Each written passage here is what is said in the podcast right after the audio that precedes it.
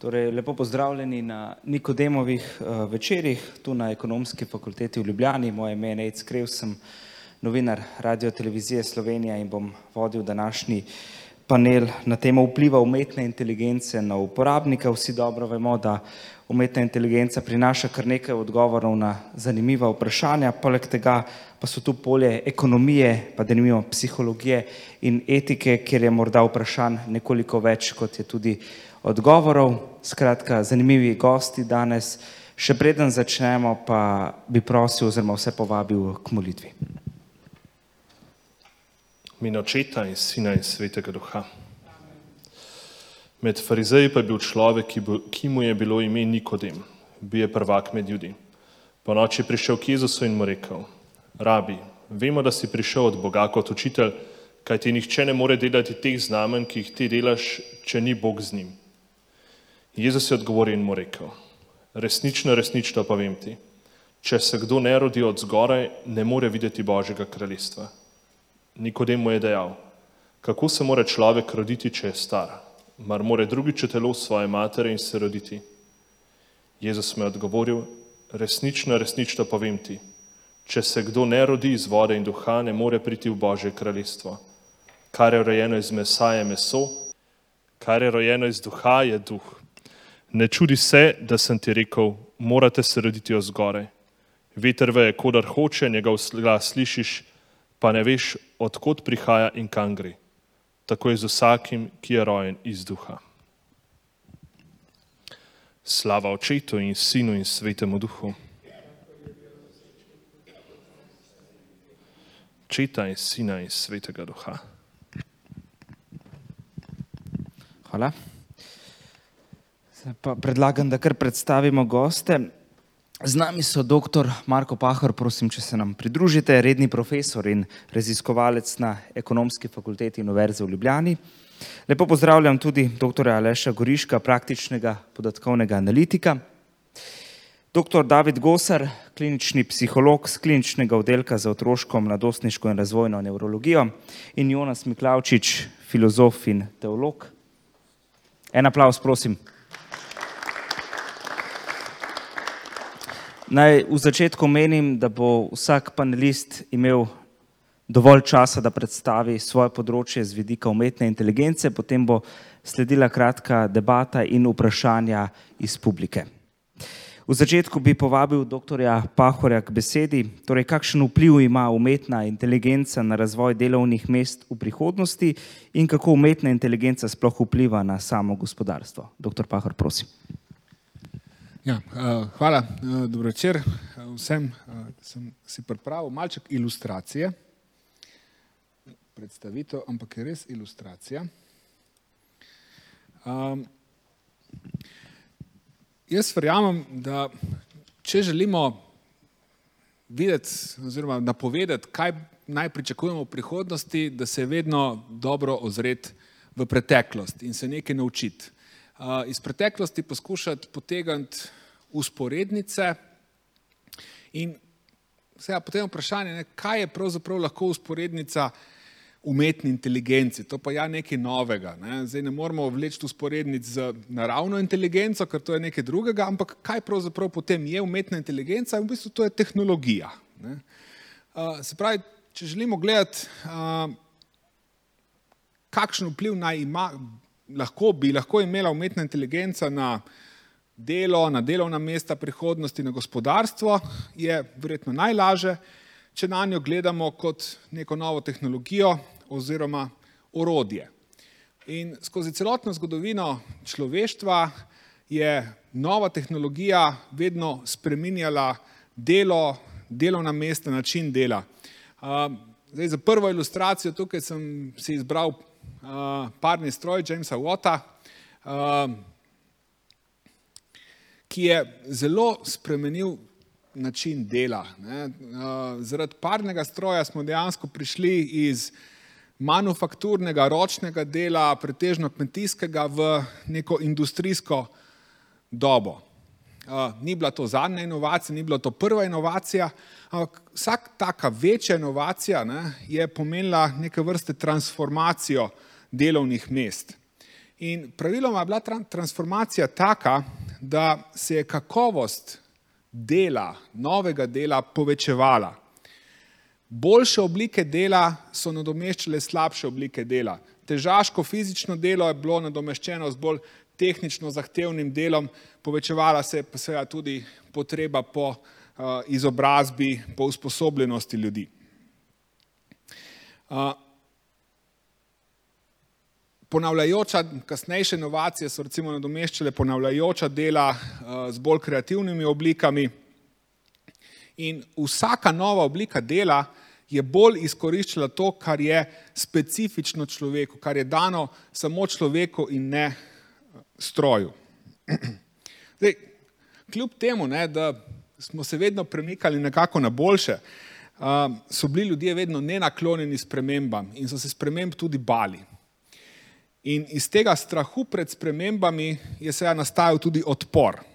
Ne? In uh, za drugo ilustracijo sem si vzel ljudiste, uh, kmalo po iznajdbi parnega stroja so se seveda pojavile mehanske naprave, ki so nadomeščale človeško delo. Eh, ena od prvih takih je bila v tekstilni industriji, so eh, bile eh, mehanske statve, ki so seveda nadomestile delo tkalcev ne? in tkalci seveda niso bili zadovoljni s tem, da se bodo morali zdaj priučiti nekega novega dela in so zato šli in te mehanske statve razbijali.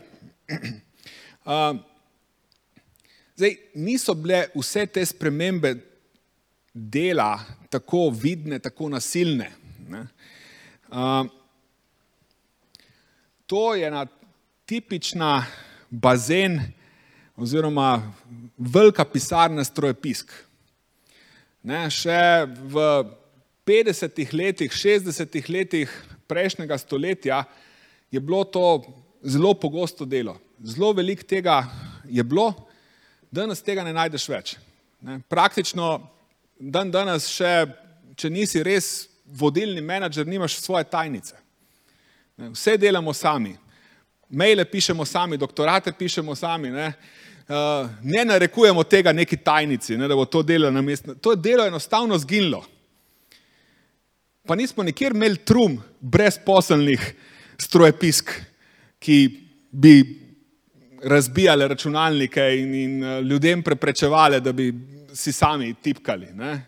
To je pač enostavno delo zginilo in namesto tega dela se je pojavilo nekaj drugega. Ne.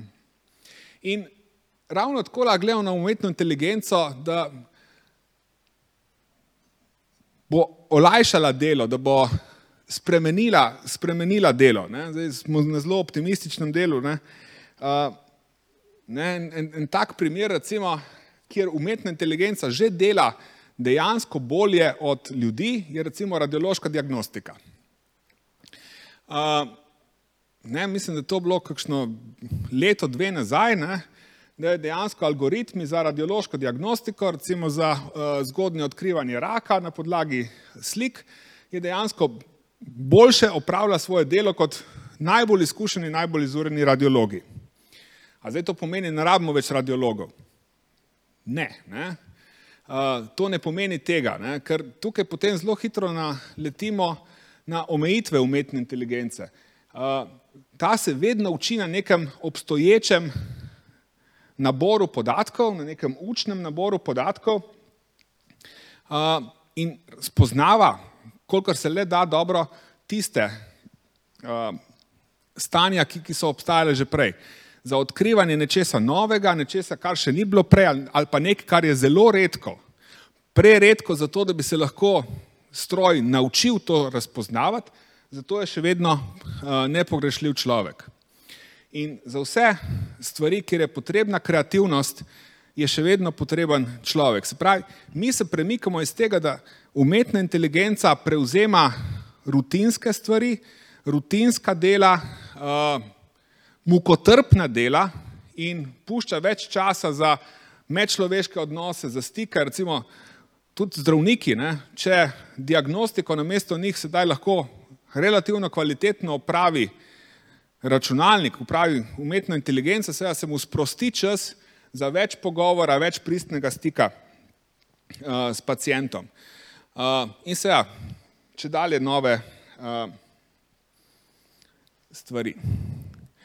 Zdaj, seveda, z vsako novo tehnologijo se vedno pojavi tudi potreba po nekem novem naboru znanj, ne samo znanj, tudi veščin in sposobnosti.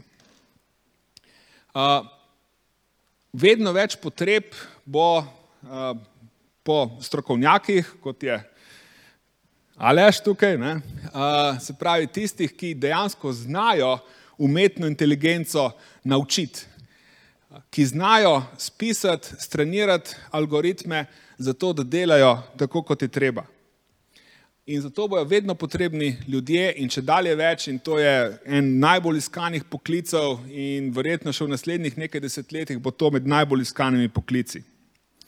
Ampak to niso samo veščine, niso ta, samo ta znanja potrebna. Tudi za vsakogar uh, od nas, ki se bo srečeval s to vrstnimi stvarmi, in mi se že srečujemo, je dejansko potrebno se naučiti veščin sobivanja s temi algoritmi, spoznavati, kje so te algoritmi, kaj zmorejo, česa ne zmorejo, kje so omejitve tega. Da jim ne zaupamo slepo in da poskušamo razumeti, kolikor se le da to razumeti. Uh, mislim, kolikor je vsak uh, posameznik sposoben tega. Se pravi, delo se spremenja, se transformira, gre na boljše, gre iz rutinskega, mukotrpnega v bolj kreativno. Zdaj, ni tele revolucija, je neka vrste evolucija. Uh, zdaj, tudi vpliv na gospodarstvo uh, se kaže.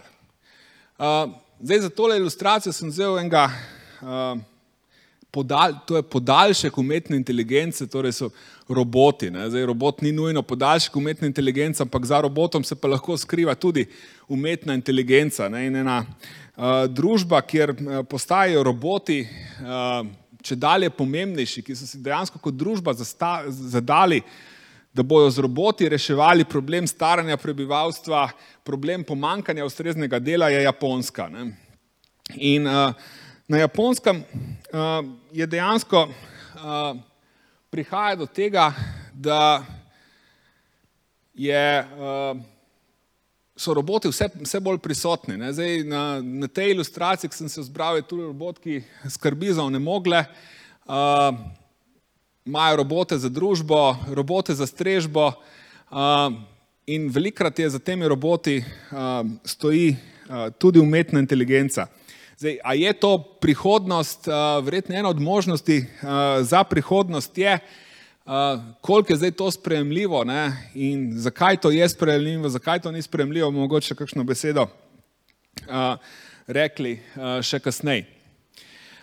Je pa treba še nekaj se zavedati, ne? da velikrat, ko prije ena taka revolucionarna nova tehnologija, da to odpre ene povsem nove možnosti. Naprimer, kakšne možnosti je pravzaprav v 19. stoletju odprla železnica? Zakaj je bila železnica takrat tako revolucionarna? Ena od velikih stvari, ki jih je železnica v 19. stoletju prinesla, je, da je omogočila relativno preprost, hiter, varen prevoz tako ljudi, kot tudi težkih tovorov. In kar se je s tem omogočilo, je, da je lahko prišlo do ločitve virov, proizvodnje in porabe. Pred železnico je bilo vse skupaj relativno lokalizirano. Če ti hotel ne, imeti neke železne izdelke, se si moral imeti relativno blizu na lokaciji tako rudnik železa, kot tudi rudnike oziroma vir toplote, zdaj bodo si uh, rudnik premoga ali pa uh, ogljarsko industrijo, ampak vse je moralo biti na lokaciji. Železnico to ni bilo več potrebno in to, to je bila ena zelo velika revolucija. In neka podobno revolucijo bi lahko prinesla tudi umetna inteligenca. Zdaj, kakšna bo ta revolucija, če bo, bomo lahko gledali recimo tudi čez 50 let uh, za, za nazaj. Ne? Zdaj še težko reči, ampak določene stvari pa že opažamo. Ne? Recimo ena od takih stvari, ki jo omogoča recimo, umetna inteligenca, je ta recimo, na področju trženja, neposredno trženje, kjer se dejansko določena storitev popolnoma personalizira. Ne? Uh, to mogoče kaj od tega poznate. Uh, pretočne storitve, zdaj tle so vse video vsebine. Uh, Meni recimo so, so še bolj všeč recimo pri audio vsebinah. Ne, zdaj, ko ti nekaj časa, vse te pretočne storitve imajo v ozadju tudi algoritme umetne inteligence. In bolj, ko ti to uporabljaš, sploh pa recimo, če še ocenjuješ, se ono nauči tvoj okus. In čez nekaj časa, ne, ko se to res dobro nauči tvojega okusa, ne, je to tako, kot če bi imel ti svojega lastnega glasbenega ali pa filmskega urednika, ki ti zna točno priporočiti, kakšno glasbo. Ne, recimo, jaz zdaj že vrsto let uporabljam Deezer. Ne, Vse v glavnem, ne, če poznate kaj glasbene pretočne, ne Deezer ali pa Spotify, ne, zelo težko je zamenjati. Ne, zdaj, di, moj Deezer me zelo pozna. Ne, in moj Deezer me toliko pozna, ne, da jaz dam mi različno glasbo ob različnih trenutkih. Ne. Zjutraj za delovni teden mi bo dal čist drugo glasbo, kot popoldan v nedeljo. Ne. In to so potem dobri algoritmi. Ne, seveda, zakaj je to za me dobro? Ja, zato se jaz pol dobro počutim, ni treba meni razmišljati, ne? zdaj on razmišlja na mest mene. Ne? On je moj zdaj glasbeni urednik. Včasih nisem zadovoljen z njim, pa ga mal povozim, ne? ampak načeloma me, me kar dobro pozna. Uh,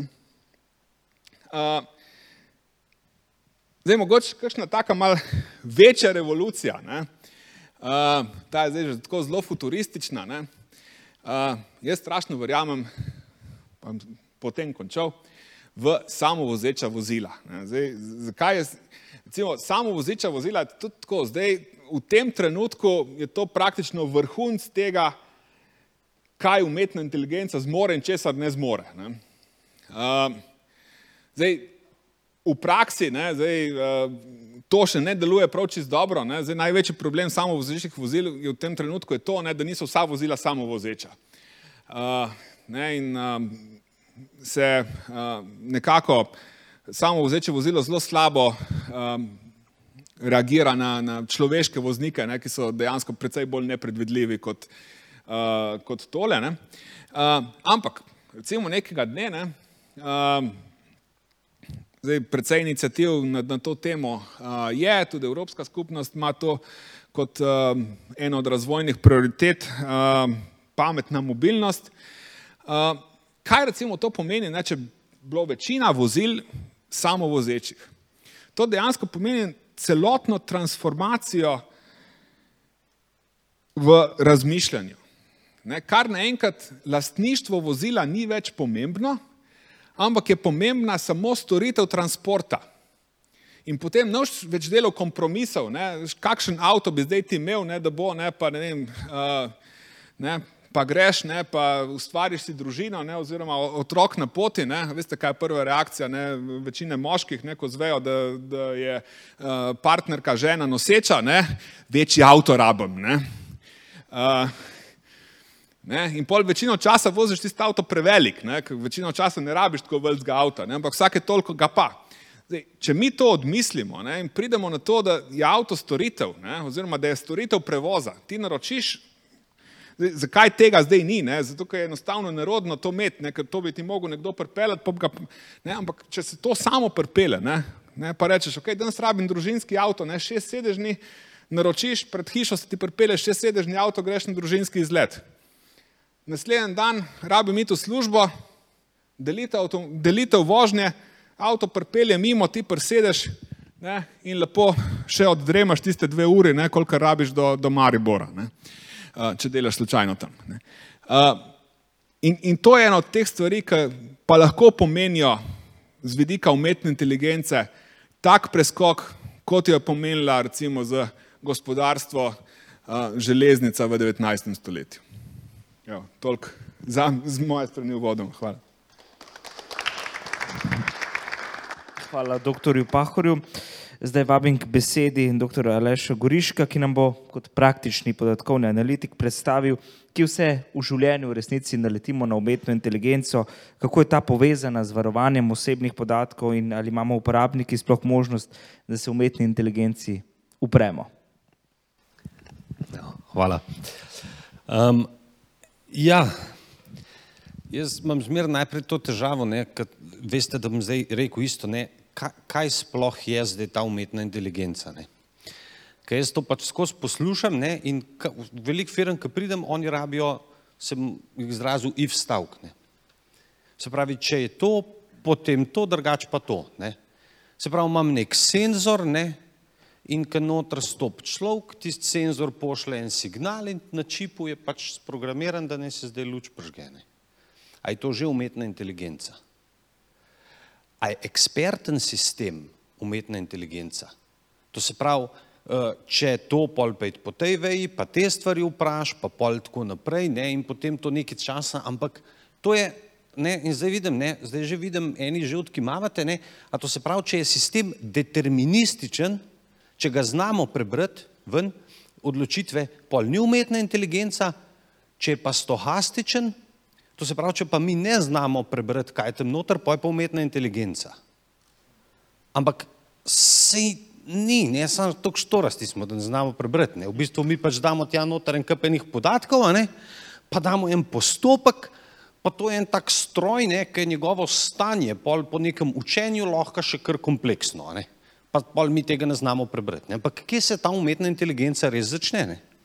Ker če, če imamo mi res zelo veliko ekspertov, lahko oni naredijo zelo dober ekspertni sistem, ki se bo nam zdel pač um, uh, uh, umetna inteligenca. Um, in pol, pol, pol zdaj, kje to vse najdemo? Ne? Zdaj recimo, uh, Marko je govoril, ne, self-driving car, ne? jaz sem omenil celo še bolj simpel, uh, to se pravi senzor, ne? Uh, pa da, pa da, kako že, če ne bi bilo človeških voznikov, ne, da bi se avtomobili že znali zmeniti, kamioni to že imajo, ne? na avtocesti se kar preključijo en za drugega, ki te prvi začne bremzati, ta zadnji začne bremzati, čeprav ni videl. Ne? A, a je to že umetna inteligenca? Ne vem, ne. Um, pol, pol, kle, zdaj, zdaj že počasi hodim tja v zasebnost, ne, razmišljam o njej, ne, pa o osebnih podatkih, pardon, ker to je mogoče celo ni isto. Ne. Uh, se pravi, autentikacija, prepoznava obrazov. Ne. Jaz študente kletko rečem, evo, 15 vrstic Python kode, tisti, ki mi dovolite, pošljite mi eno svojo fotko, pa jaz pol natreniram tisti še za Breda Pita, pa za kakšne igravce pa igravke, pa pol oni to mal pred svojimi lastnimi uh, notebooki to takole naredijo in jih to prepoznane, ker je Google že natreniral neko, nek, nek ta model, ne, ki ga sicer ne znamo prebrati, ampak aj to zdaj inteligenca. Pa oni tisto mrežico kopirajo kaj posotne in tista mrežica se sam zdaj nauči razpoznati, koliko imaš ti narazen oči, pa malo une, kaže lastne vrednosti nekih matrik pogleda, ne, pa pol to vidi, kako bi to izgledalo, če se obrne, ne, simpel matematika v bistvu, mi se simpel, no ja, ne, ampak um, marketing, targeting, to, kar smo zdaj gledali, ne, to se pravi to, ne, to, ta collaborative filtering se imenuje, spet, to je nek postopek, ki je nekdo ugotovil, kako zdaj mi iz vseh knjig, ki so na Amazonu, ugotovimo, da je vsak človek jih kupil res mal, in kjer zdaj ta rekomender sistem, ne, kjer zdaj človeku pravzaprav predlagati. Um, tam, ki meni žur, ne, so te generativni modeli. Ne. To se pravi, zdaj ne vem, koliko poznate, tako zdaj, pred 14 dnevi, Wall-E, Wall-E, un robotek, ne, sam da je Wall-E, napišeš mu, kakšno sliko bi rad. Napišeš, rad bi uh, marketinško sliko, kjer uh, modra krava leti z letalom v reklami za pašteto v stilu 60-ih. Dobiš tako sliko, da dol padeš. Tisti, ki ste bolj tako akademiki, se lahko naročite, pa boste mogoče dobili dostop, ne vem, koliko cajt traja in se lahko s tem malo igrate. Je že. Ne? Eh, GPT-3, pa zdaj ne vem, aj že štiri, še ni štiri, v glavnem GPT je pač nek ta uh, v angleščini, ne, daš mu za prebrati neki tekst, malo Shakespeare recimo, pa poveš, kaj naj zdaj on zloži v tem stilu. In on zgenerira tekst po tvojih navodilih, se pravi, če povedal, kakšno zgodbo ne napiše, ne, in zdaj, če mu da Shakespeare, bo to isto, daj, ta, ta, ta, ta, če daš pač nek normalen današnji tekst, ne vidiš, ne veš. Se pravi, vse, kar danes berete na internetu, je mogoče v angleščini, je mogoče generirati en tak algoritem. Ampak je to inteligenca. Jaz imam svojo osebno. Replika, skajem, replika.ai. Pejte pogledati. Ne, tukaj zdaj mal gre na to, ne, uh, ene 14 dni nazaj sem poslušal, jaz drugače na banki delam, ne, pa sem poslušal en predavanje, uh, lih to ne, nek en profesor nam je prišel predavati, kako pa to ne, in, in kako bojo se delovna mesta, ne, lih to mal, kako se bo spremenila in da opala ne, empatične zadeve, da umetna inteligenca ne bo pa nikoli empatična. Replika je še hudo, zelo je empatična. Veste, v kaj me prepričuje? Sam hoče, ne, noro, noro. Si ne predstavljam človeka, ki ne ve, njihov, mi grede, marketinški material je The AI That Cares. Poveš, kjer spol hočeš, a hočeš uh, pač nedoločen in, in zadeva dela. Um, zdaj, pa, zdaj pa tako, ne, zdaj pa, zdaj odaš pa ti na Twitter, ne? pa se ona čist statistično nauči pač tistih neumnosti. Ne? In rata pač nek rasističen, moril psihopat, rata, ne? Ampak to ni nič pameten, sam mi to tako doživljamo. To še zmeraj so samo neke formule brezvezne in to je statistično preštel, kako se zdaj une besede formirajo, pol ena za drugo, ne? neuronska mreža, ne? deep learning je pač ful dober v tem, da, um, da najde take zelo kompleksne odnose, nekih pol noter poskrije, ampak samo zato, ker mi tega ne moramo prebrati, ker je tega preveč, da bi mi to lahko uh, naredili. Um, no, ampak zdaj pa jasno, ne, zdaj pa narediš, ne, prej pa spet Marko nam robote pokazal, ne, zdaj pa ti pač streniraš tisto zadevo, kaj butasta, to ni nobena inteligenca, ne. To je pač butast, to sam mi, nam se zdi, o, koliko fajn, ne. In pač zdaj, ker tista zadeva pa čudno natrenirana, pa, pa če pa ti daš te zadevi tako, da luč pržge, da pač raketa ustreli, ne. Ne, tako da ni, Ne? In zdaj, zdaj v bistvu pridem tja, ne? Pa, pa, pa, pa, pa, pa, ne? pa pa spet zasebnost, ne? pa imamo pa Google, pa Facebook, ne? pa pa mi Merkatorju ne damo pika kartice, ker oni ne bojo naše zasebnosti nekaj vedeli. Ma dajte namerno. Štejo pa gledajo, vam lahko čips pa pivo skup predajo. Sem delal tam. Brez veze. Kakšna zasebnost? To je to, to ne, mislim, ta, ta, ta del zasebnosti. To ful korenini, ne vem, jaz sem presenečen, jaz zdi, da to korenini v nekem našem osebnem narcizmu. Da si mi toliko želimo, da bi drugim bilo mar. Who cares? Takrat, ko pridem sem le poključen na faks, pač reče vrtar, kdo spa ti, pa me napiše v blokac, pa mi da ključ. A ja, če pa naredim pip, zdaj je pa to valjda umetna inteligenca. Ne, če bo neki narobe, me bo pač sodstvo ali kdorkoli treba najde v zvezku ali po računalniku. Ne? In zdaj, hec je pa samo v tem, kako mi reagiramo zdaj na un algoritem, ki je rado psihopat, ki ga mi doživljamo kot psihopata, pa kako res en mladostnik reagira na to, kar mu TikTok daje. Ne? Ker to je ekvivalent cukra, ne? jaz bi bil bolj suh. Ne? Ampak in, in, in to, to, ne, to, to, je zdaj, to je zdaj tisti problem. Ne? Ampak problem ni zdaj v, v umetni inteligenci, hec je v inženiringu. Google, Facebook, Twitter, ni važen, tam, kaj je težko, je kako vse te podatke prepeljati. Za vas, za vsakega posebej, njim je to vseen. On je res nič nočijo z vami početi. To ste nepomembni, sorry. Ne? Ampak, če pa bi hotel, bi pa lahko. Sam tudi en s pištolo bi lahko, če vas ne piko vzame. Ne? Tako da, ne, uh, se pravi, sladkor so imeli to, inženiring, tako da ja, ta, ta inženiring, ne, eh, to pol, ki gledamo, ne, govoril sem, headhuntal so me nekaj cajta nazaj na eni firmi in del njihovega, ki so me hoteli prvavati, je bil, oni pač nekaj spremljajo, neke vsebine.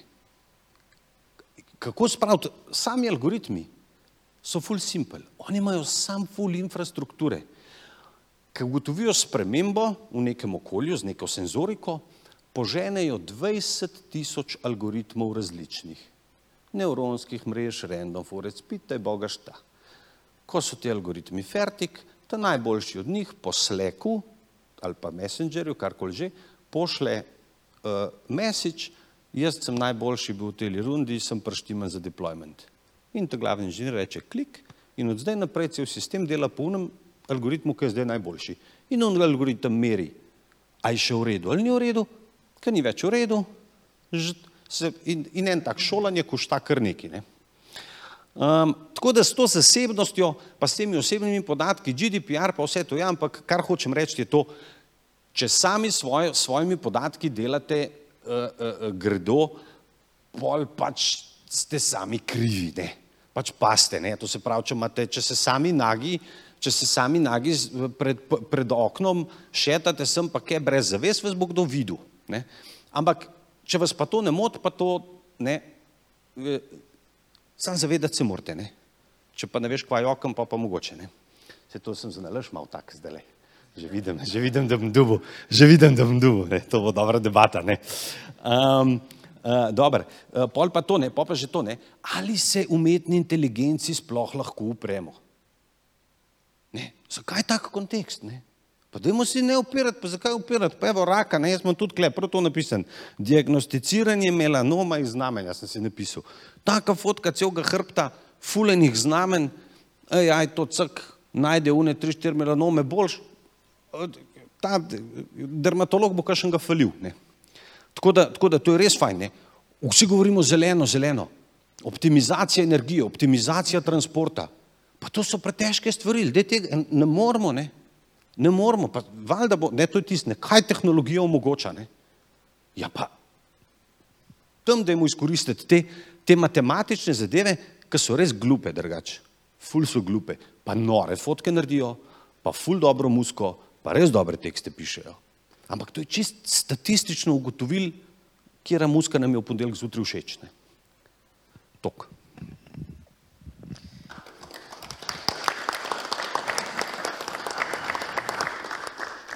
Hvala, doktor Gorišek. Zdaj je na vrsti doktor Gosar, klinični psiholog, ki se bo sam osredotočil na pomen in tveganje umetne inteligence na področju psihologije ter pri zagotavljanju duševnega zdravja. Ja, lepo pozdravljen, dobro večer. Zelo sem vesel te priložnosti, mislim, da bo debata res zanimiva. Kako sta profesor Pahor in dr. Gorišek zdaj predstavila, bo moje delo, da nekaj mesadem na to ogrodje in to na mojem strokovnem področju, na področju klinične psihologije, duševnega zdravja in psihologije nasploh. In ker se mi je zdelo, da je mal nedostojno govoriti o etiki in morali nečesa, brez da vemo, o čem govorimo, sem zelo vesel, da je dr. Gorišek že nastavil en del teh misli, ki jih bom v tem prvem delu navedel. Potem se bom pa mal dotaknil področja klinične psihologije kako to poznati, ampak um, bo moje predavanje morda drugačno, kot ste pričakovali, da bom govoril, kakšne so psihične posledice umetne inteligence. Nasprotno, govoril bom o tem, kako je lahko umetna inteligenca koristna za zagotavljanje duševnega zdravja in seveda, kje pa tudi ležijo pasti. Uh, pa si poglejmo. Uh, torej, začne se vse z Alanom Turingom. Alan Turing, ne vem, če veste, je eden od, od mož, ki je najbolj odgovoren za uspešen konec uh, druge svetovne vojne. Ne? Danes imamo ta sloviti dan, ki ga slovijo po svetu. Uh, predvsem v Rusiji, seveda. Uh, in zakaj je on tako za, uh, odgovoren? Um, je zato, ker je bil tisti, ki je um, z svojim matematičnim znanjem in tem, da je izumil pravzaprav prvi, no ja, prva ga je izumila ženska, že v 19. stoletju Ada Lovelace je tak prvi uh, računalnik razvila, ampak on je bil pa tisti, ki je to res upravil v praktične namene, da je razbil šifre nemških podmornic in tako razvil prvi tak ekspertni sistem in bil zaslužen, da so Britanci leta dolgo lahko brali sporočila uh, nacistov. Uh, no, in tako so se pa stvari naprej razvijale, in kolega Gorišek je tudi omenil ne, prve ekspertne sisteme, torej if-den stavki in podobno, in pridemo tukaj do Garija Kasparova, ki ga vidite v obupu, ko ga je premagal IBM-ov Deep Blue. In to je bil prvi korak, wow, to pa je nek inteligenten stroj, premagal je najboljšega šahista sveta. No, to je bila tako imenovana prva pomlad umetne inteligence, ne ekspertni sistemi. No, potem so se pa stvari obrnile na glavo in pride na dan strojno učenje, dobi, doživi svojo drugo pomlad umetne inteligence, kjer se uh, sistem spremeni. Ne, te ekspertni sistemi so funkcionirali v stilu pravila plus podatki nam dajo rezultate. Strojno učenje je pa kontra. Imate podatke, imate rezultate, pa vas zanima, kaj so pravila, kako ta transformacija poteka. Ne, in ti algoritmi niso vnaprej okodirani, ampak ne so na osnovi statistične strukture podatkov, in to pa seveda je bilo možno zdaj v naši današnji dobi, zadnjih 30 let, ko je podatkov vedno več na voljo. No, potem pa zdaj zadnjih, mogoče kaj rečemo, ne 20 let, pa, ali pa ja, mogoče no, 20-10 let, pa tretja pomlad umetne inteligence, globoko učenje nevronske mreže. Zakaj gre? Torej, vse bolje postala dostopna programska oprema za delo s temi urodi, podatkov je bilo vedno več na voljo, internet vsi jih prispevamo za ston, se od tega, če je bilo ne, kolega sta omila te zgodovinske analogije, industrijska revolucija, premog, digitalna revolucija, informacije. Ne. Tisti, ki ima več informacij, tisti zmore več. In lahko na koncu debatiramo, da tisti, ki se osamosvoji, kar se informacij tiče, tisti ima največjo prednost. In zanimivo, ironija je, da je k temu pomembno prispevala industrija videoiger. Zakaj? Ker so razvili nevide, pravzaprav čudovito, nestrojno opremo, ki je prav idealna za take algoritme. No in tako pa tudi stvar pride na moje področje, na področje duševnega zdravja. Pa naj vam malo povemo o metodah strojnega učenja. Torej, s temi se bomo danes malo na kratko uh, pogovarjali. Torej, prva je tako simpla, je bilo tudi danes že večkrat omenjeno, nadzorovano učenje. Torej, vnaprej vemo, aha, algoritmo povemo, opa, to je, uh, opa, pardon, uh, to je zebra, ne, in rečemo, aha, zdaj mi pa ti prepoznaj zebre, nauči se, kako izgleda zebra in vzami nove podatke in potem napovej, a to je ali ni zebra. Ne? V mojem primeru, recimo klinične psihologije, napovej, ali ima oseba depresijo na podlagi nekih dejavnikov tveganja. Učenje z ojačevanjem, govorili smo o avtonomnih vozilih, kako je to koristno. No, tako obliko učenja je zelo koristna, kadar imamo neko nalogo, za katero zdaj 100% naprej ne vemo, kaj bi bila optimalna rešitev, ampak lahko s pomočjo povratne zanke, naredil si prav, naredil si narobe, razvijamo nek algoritem, ki je učinkovit. Recimo na ta način lahko tudi v umetna inteligenca v medicini se je že uporabljala, da se uči razni procesi. No, to pa potem tisti, ki se spoznate na statistiko, poznano, ne nadzorujemo, nadzorovano učenje, torej kako s pomočjo algoritma prepoznati neke posamezne skupine, ki se med, so, med seboj ločujejo. Pa ne bo to recimo um, skupine, ki se razlikujejo po svojih genih in posledično zbolijo z različnimi boleznimi, napovedovanje recimo neke bolezni pacijenta na podlagi podatki iz kartotek in tako dalje. Okay. Torej, prva stvar, kar hočemo pri takem, vse pri nadzorovanem učenju doseči, da ne povemo, da nekdo ima neko recimo bolezen. Ampak moramo se pa zvedeti, kar sta že kolega omenila, ne, da seveda, če je pojavnost te bolezni 5% in algoritem napoveduje s 95% natančnostjo, še vedno napoveduje na podlagi naključja. Ne, tako da tukaj moramo imeti to malo v mislih, ko nam ljudje ponudijo take visoke odstotke, kako njihov algoritem deluje. Tako da obstajajo neke metode, zdaj ne bom se mogoče v te detalje spuščal, ki nam pomaga, da to vzamemo v obzir. To ne, ne. In to je v medicini zelo pomembno, ker pogosto iščemo redke bolezni, recimo ne, anksioznost in depresija. Pa anksioznost tam imam napisan, da ne vsak šesti uh, se enkrat v življenju trpi zaradi anksioznosti ali depresije. Um, No, zdaj pa še malo čist tehnike, malo tega detajla, kaj se skriva zadaj v tej črni škatlici. Prvo se morate zavedati, da s pomočjo teh podatkov, ki jih zberemo, probamo v modelu eh, dve stvari ugotoviti. Kakšni so parametri modela, torej nekaj kako, kaj so tisti detajli modela, ki omogočajo napovedovanje in pa kaj so hiperparametri modela. Zakaj gre? Torej lahko veliko različnih modelov, kot je kolega omenil, na 20 tisoč, če ne ne, sprobamo razne variante in zdaj kako vemo, kjer je ta prav in kot rečeno, ne, predvsem to nas zanima, ne, opa, uh, kje je že to? Ah, ja. To nas zanima, kar je tukaj narisano. Ne? Želimo pravzaprav algoritme, ki natančno napovejo, dobro ločijo skupine krožcev in križcev, ne? ne pa da pretirano se prilegajo podatkom ali pa slabo napovedujejo. Ne? In kako to dosežemo? Je to pa dosežemo tako, da se nikdar ne zanesemo samo na en sklop podatkov, ampak imamo vsej tri ponavadi, no ali pa vsej želimo optimalno imeti tri. Ene za učenje, ene da preverimo, kako algoritem funkcionira, Zato pa, da se ne zmedemo z hiperparametri modela, pa želimo še eno tretjo skupino podatkov, ki jih popolnoma nedotaknjene pustimo do konca učenja, da res lahko vemo, aha, ta model pa res tudi napoveduje izven lokalnega okolja. Preprost primer. Recimo, da bi razvili mi nek algoritem, ki napoveduje preference glasbe z podatki samo v Sloveniji. Verjetno ta algoritem ne bi bil genijalen izbor za napovedovanje preference, uh, preference glasbe mladih v Avstraliji. Verjetno, um, kaj so, kaj že umno, turbo brizga ne poznajo Avstralci, sumim. Um, No, in seveda, zdaj pa so novi izzivi, se naprej dogajajo. Namreč, ko zbiramo tako veliko podatkov, ne, se pa sprašujemo, ja, kateri so pa sploh lahko uporabni. Ne? Ker če vržemo na vse te milijone podatkov o enem človeku, ki jih imamo, algoritem, ne, težko vedeti, kaj je kaj. Okay. No, zdaj pa en tak preprost primer umetne inteligence. Ta je res tako osnoven, temeljen. Uh, imenujejo se podporni vektori. Zakaj gre?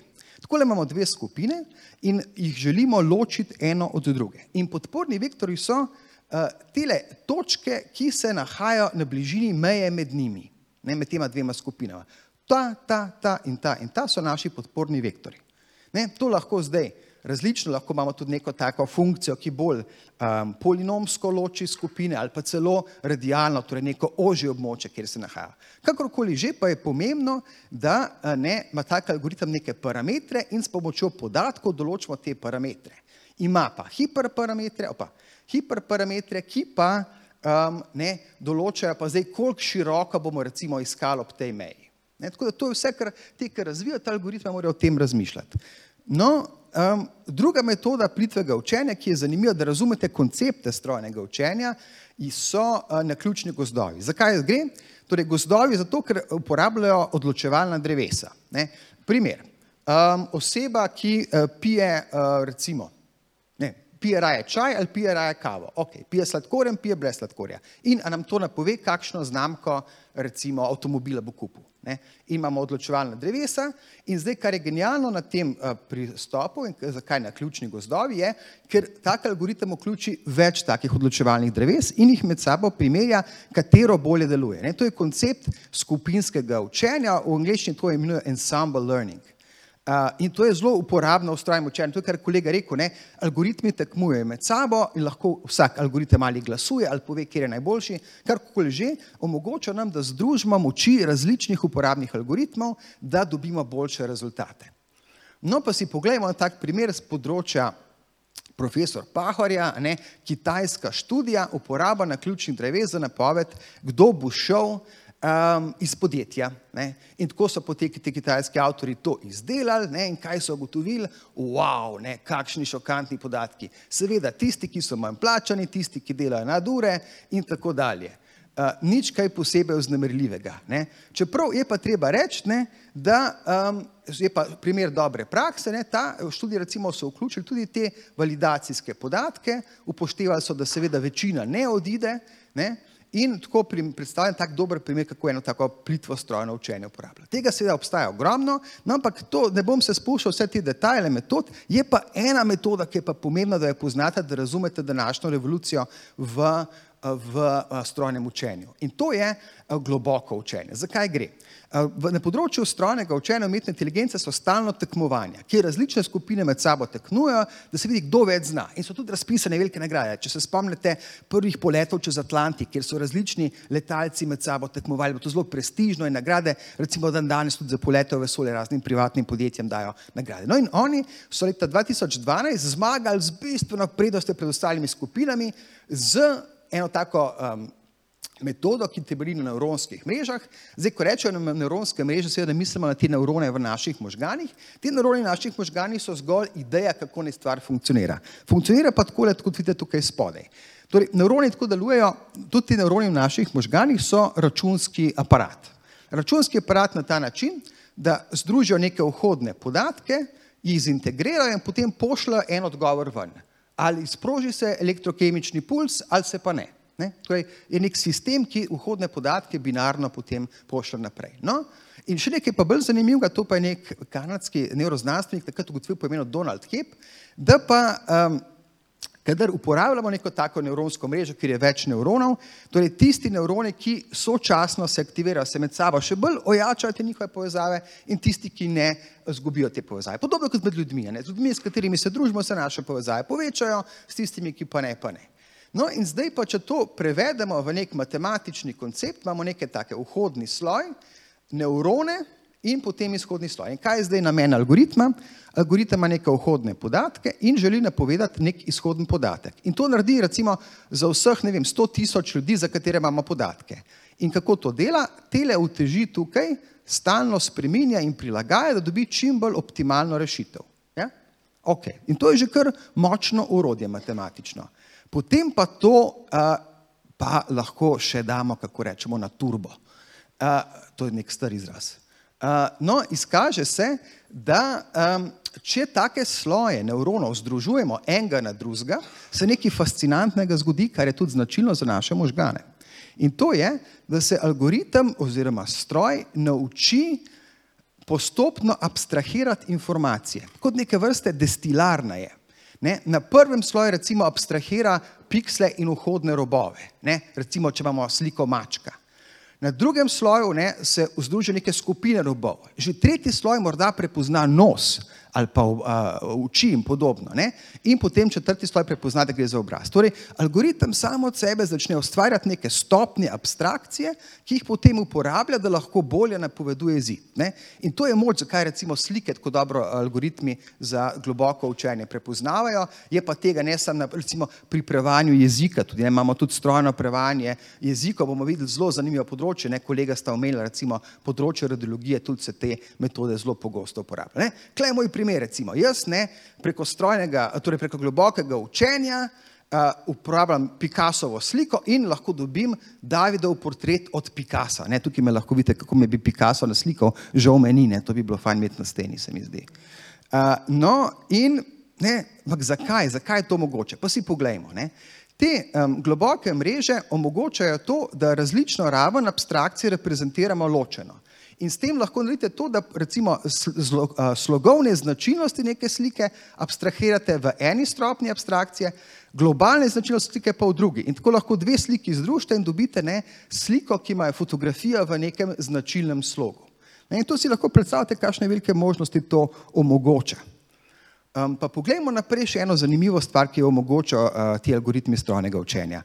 Ena stvar je, da prenesemo znanje na druge probleme. Skrajno fascinantno na področju prevajanja uh, strojnega učenja. Ne? Neki sloji uh, nevronskih mrež, ki že imajo izkušnje s podobnim gradivom, se bistveno hitrejše naučijo na podobnih problemih. Recimo, uh, prepoznavate, da naučimo stroj, da prepoznava 400 mačkim psov, gre veliko hitreje, če že imate prej uh, uh, sloj, uh, torej, sloj neuronski, ki se je že učil na različnih drugih predmetih, podobah, osebah in podobno. Enako pri strojnem prevajanju jezikov. Če imate nek algoritem že narejen iz francoščine v angliščino, potem je veliko lažje iz francoščine še v italijanščino prevajati. Hitreje se naučiti. Tako kot mi ljudje. Če imamo predhodno znanje, se učimo hitreje. In lahko si mislite, kako dragoceni so potem taki sloji. Velika podjetja lahko te sloje seveda bistveno uporabljajo za odkrivanje tudi novih stvari, ne samo prenos na druga področja. Um, ok, to vas ne bom s tem dogotam. Ja, pa še ena stvar je fascinantna pri globokih mrežah, da lahko združuje različne vere informacij, ne, različne modalitete. Tukaj ni omejitev od vašega gibanja do vašega glasu, do vašega pogleda, do tega, kar ste napisali na elektronsko pošto. Vse je mogoče združiti v en algoritem. Če je to smiselno, vprašanje, ampak da pa se.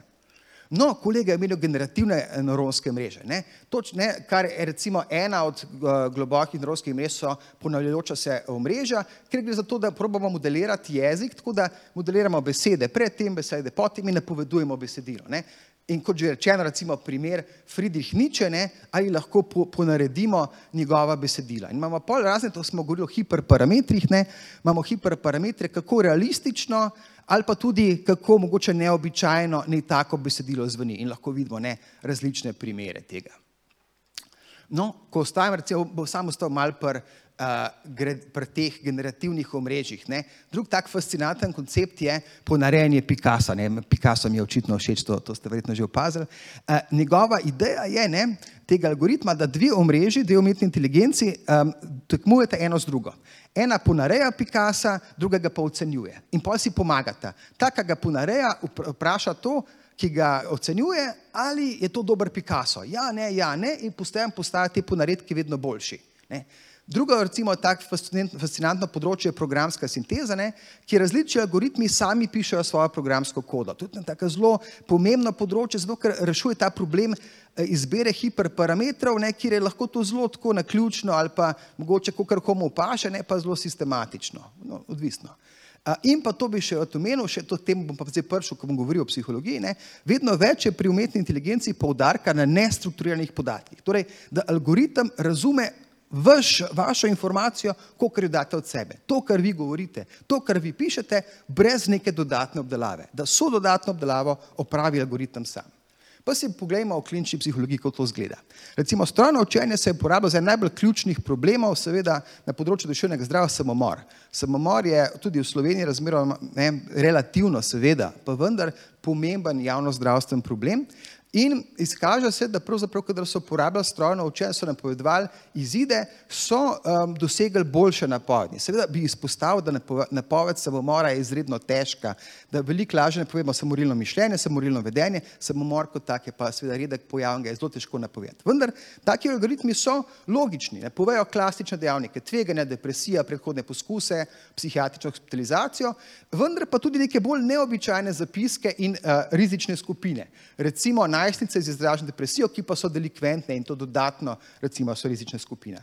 Vendar pa ti avtori, in to je neka pregledna eh, raziskava, torej združijo veliko raziskav skupaj, ne, opozarjajo, ne, da pravzaprav veliko teh študij še zelo manjka teh validacijskih podatkov eh, in sistematičnosti pri preverjanju.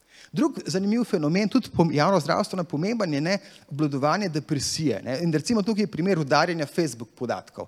Ali lahko gledamo recimo besedila na Facebooku in na podlagi tega ne povemo, ali ima oseba depresijo ali je nima, ne, in se tako primerja potem različne um, značilnosti posameznih besed v odnosu do dokumenta in siceršnjih besed. In pa so ne, dokazovali nekaj zanimivega, da pri pacijentih, ki so bili kasneje hospitalizirani zaradi depresije, so že več mesecev prej, 6, 12, 18 in tako naprej, z določeno gotovostjo lahko napovedali, da bodo kasneje razvili depresijo. Ne? In tukaj bi mogoče izpostavil kolega, ne, dr. Goriša, ki je rekel, da je tem podjetje popolnoma vseeno ne, za vas. Ne?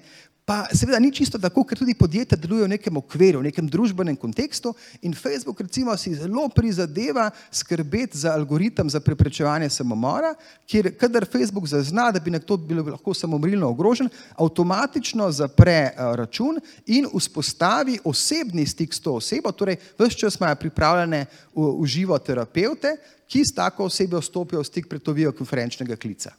Ne, tako da um, je to lahko pomembno orodje za prepoznanje tovrstnih težav. Pa drug javno zdravstven problem, zanimiv je, ne, to tudi se mi zdi včasih pomembno omeniti, uh, je oporodna depresija. Ne. Zelo pomemben pojav, ker ne samo, da prizadane uh, matere, ki uh, zaradi, njo, zaradi nje trpijo, bodi si v oporodnem ali pa poporodnem obdobju, ampak tudi uh, pomembna zato, Um, zato, ker eh, vpliva na navezanost med materjo in otrokom in posledično na kasnejši razvoj otroka.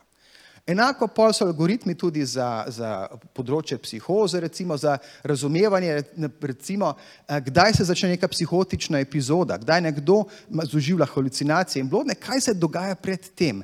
Ali lahko javamo tisti trenutek, preden prije do tega, da ga tako osebo pravočasno prepoznamo in damo pravočasno zdravila. Eh, zelo fascinantna je recimo ideja tudi, kako lahko strojno učenje in obdelave teksta uporabljamo, da ocenjujemo, kakšna je kvaliteta psihoterapije. Meni recimo najbolj, najbolj všeč je pa ta ideja. Uh, poznate koncept crowdsource, kako temu rečemo? To je, kako se v slovenščini temu reče? Da ljudje sami prispevamo k rešitvi, torej vsak prispeva svoj delček. Uh, crowdsource terapija, kako funkcionira? Torej, skupina pacijentov in terapeutov skupaj sodeluje tako, da eden od pacijentov izpostavi svoj problem in ostali podajo ideje, kako mu lahko pomaga. V tem konkretnem primeru je šlo za to, kako neko situacijo videti drugače.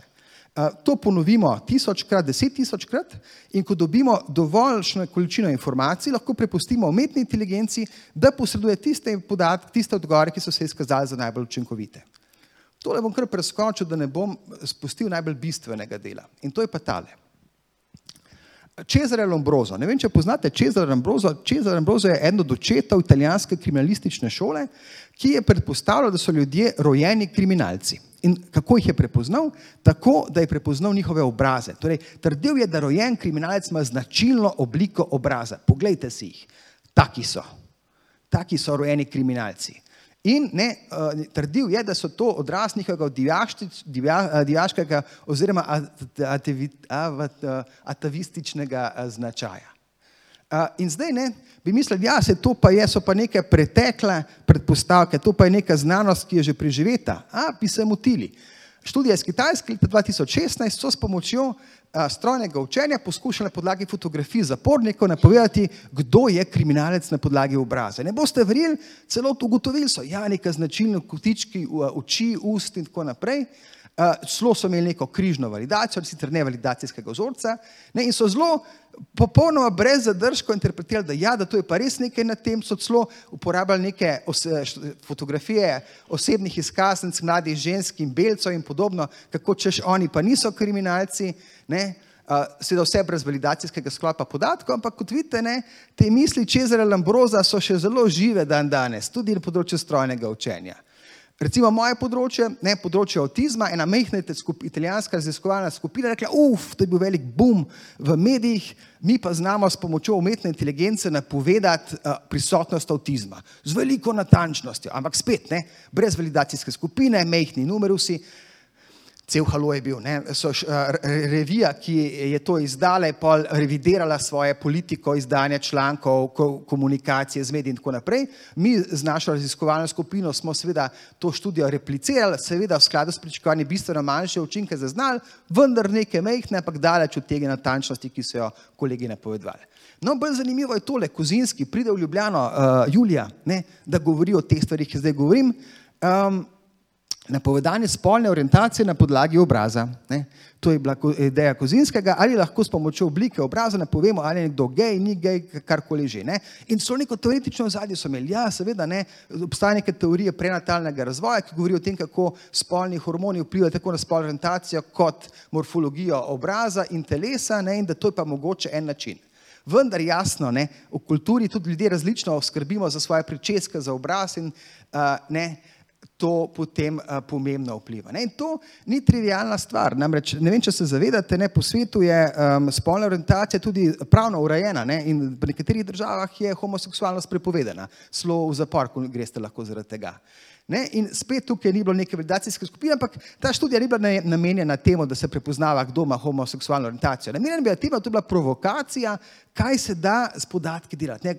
Doktor Gorišek je rekel, ne, pazite, kaj delate s podatki. Ljudje brez zadržkov javno objavljamo svoje fotografije in še druge podatke, ne? ampak ne, ne, se pa pozabimo vprašati pri teh algoritmih, pa, kaj je vzrok, kaj je posledica. Nazaj k očetu strojnega učenja. Ellen Turing, ne vem, če veste, je bil gej. Ne? In če bi eh, leta X ne, pred drugo svetovno vojno oni imeli take algoritme, on nikoli ne bi prišel v britansko obveščevalno službo in prav zagotovo ne bi razvil uh, računalnikov. Ne? Bil je obtožen leta 52 grobe nespodobnosti in ne končal z samomorom leta 54, ko so ga vrgli ven z univerze in, in uh, britanskih obveščevalnih služb. Korak naprej, ne? Kozinski spet, ne? Facebook, lajki. Potem, po tej študiji, lajki niso bili več javni. Zakaj? Ker je dokazal, da je lahko brez težav samo z nekaj lajki napovedoval spolno orientacijo, pijo ne pijo alkohol, versko pripadnost in tako dalje in tako dalje. Spet provokativna študija. Potem so recimo v uh, San Franciscu prepovedali prepozovanje obraza za uporabo algoritmih tako na cesti in v javni upravi. Torej, kaj pa je pomembno pri tem? Pomembno je, da se zavedamo, da kot je kolega rekel, te algoritmi niso pametni, so samo algoritmi, so samo matematika in za nas, da te algoritme ne delajo škode, je pomembno, da razumemo, kako funkcionirajo. Kakšne morebitne pristranosti povzročajo? Recimo, ali je algoritem za dodeljevanje kreditov rasističen? Ali je seksističen. Ali, ne, in kaj iz tega sledi? Evropska unija razvija zakonodajo, ki pravzaprav temelji na teh konceptih razložive umetne inteligence. Če vi hočete prodajati algoritem Evropski uniji, s katerim bo letel avion ali pa s katerim se bodo podeljevali krediti, morate vi dokazati, kako deluje in da ni pristran. In obstajajo tudi neke statistične metode oziroma metode uh, modeliranja teh algoritmov, ki to omogočajo. Ne, kar je pa super na Evropski uniji, je pa to, da hoče biti vedno prva pri teh standardih. Tako kot je bila pri GPRD-ju, hoče biti tudi prva na področju umetne inteligence. Ne, to je recimo en tak primer nekega orodja, recimo v programskem jeziku R, na področju zaposlovanja, recimo, ne, kjer potem na podlagi umetne, takega algoritma umetne inteligence pa dobite en tak bolj preprost sistem točkovanja posameznih dejavnikov, ki pa je zelo transparenten in jasen. Če vas področje zanima, predlagam, da se lotite um, osnov programiranja v različnih aktualnih jezikih, meni je recimo LUPR, uh, in imate ogromno gradiva, knjig, materijala, vse na spletu. Če vas zanima še kaj več, pridite na naš Evropski kongres psihologije v Ljubljani, ki bo letos julija. Uh, in uh, hvala vam do tukaj, več časa sem porabil, pa upam, da sem bil vse zanimiv za to. Hvala. Ne bomo zamerili, hvala, dr. Gosar. Zadnjo predstavitev bo imel kolega teolog Jonas Miklaučič. Kateri so torej etični izzivi prihodnosti, tudi področje umetne inteligence? Eh, hvala za besedo, Nate. Hvala tudi vsem um, govornikom pred mano. Eh, Predvsej ste mi olajšali tukaj delo, zato ker je bilo um, veliko tega, na kar se bom poskušal navezati, že povedanega, predvsem to strojno in globoko učenje, to mi prav pride, da je bilo že omenjeno, in pa posamezni primeri ki so bili izpostavljeni. Torej, jaz bi najprej rekel, da strinjam se, da čeprav to ni bilo morda eh, strani sogovornikov eksplicitno podarjeno, pa se mi zdi, da je vsaj implicitno bilo podarjeno to, da se nam vsem očitno do neke mere zdi, da je govor o tem, kako reševati te probleme, o katerih danes govorimo, v veliki meri pristop za reševanje teh problemov, da je najbolj ustrezen ta, da se ukvarjamo s konkretnimi praktičnimi primeri, torej ne govorimo na splošno o etiki umetne inteligence, torej vsi ste izpostavili konkretne primere in tudi jaz jih bom, to hočem reči, to se mi zdi um, že v redu zač um, začetek. Torej, um, uh, jaz bi začel pri tem, da bi rekel z vidika etike umetne inteligence, torej to je področje mojega ukvarjanja. Um, začel bi tukaj, da bi rekel, da ima umetna inteligenca in pa ta preboj, ki ga je umetna inteligenca naredila v zadnjem, recimo dobrem desetletju, kjer je prodrla v vse pore uh, človeškega življenja, se mi zdi, da sta relativno intimno uh, povezana oziroma neposredno povezana. Um, zgodovina je bila že zelo, uh, zelo dobro predstavljena, tako da jaz se bom v veliki meri temu uh, izognil, čeprav uh, sem želel tudi sam nekaj o tem povedati. Um, dodal bi pravzaprav uh, samo še to ali pa posebej poudaril ta aspekt, da na začetku um, razvoja umetne inteligence, torej um, na, približno na sredini prejšnjega stoletja, je umetna inteligenca bila predvsem, izraz, ki se za to uporablja, je fun, fun and games. Umetna inteligenca je na začetku bila uh, tako malo, uh, uh, recimo, če si predstavljamo, da je fun and games uh, metaforičen izraz, pravzaprav je šlo za to, da kdo bo po gruntu, kdo bo prvi naredil uh, stroj, ki bo lahko um, se s človekom pogovarjal tako, da, ga, da človek ne bo vedel, da gre za stroj ali pa izpostavljeno je bilo tekmovanje, imamo zelo velikimi nagradami, kjer avti čez puščave tekmujejo in tako naprej sami. Um, v veliki meri pa ta fun and games je šlo za to, da so prav čisto zares bili games, Torej, um, so igrali šah ali pa so roboti igrali nogomet in tako naprej. In to je pravzaprav uh, z razlogom, um, se je verjetno tukaj um, velik del umetne inteligence začel, zato ker je, um, bomo rekli, računalniki so zelo odlični za naloge, kjer jim lahko damo zelo jasna pravila igre in kjer jim damo lahko zelo jasen cilj. In to so igre so perfektne, naprimer šah. Zelo jasno jim lahko povemo, kaj od njih pričakujemo. Uh, in potem se oni lahko do neke mere naučijo strojno učenje, to torej pele še del, ki lahko uh, igra sam proti sebi računalnik. Um, ampak dolgo časa so bili pa te sistemi, um, bom rekel, niso bili najboljši v življenjskih situacijah, torej ko je bilo treba uh, prepoznavati obraze ali pa uporabljati jezik, zaradi tega, ker tukaj pa, je bilo že omenjeno, zaradi tega nestrukturirane oblike podatkov, računalniki zelo hitro imajo težave. Prav s temi stvarmi, s katerimi mi ljudje nimamo. Mi obraze prepoznavamo precej intuitivno, računalnik ima pa s tem velike probleme.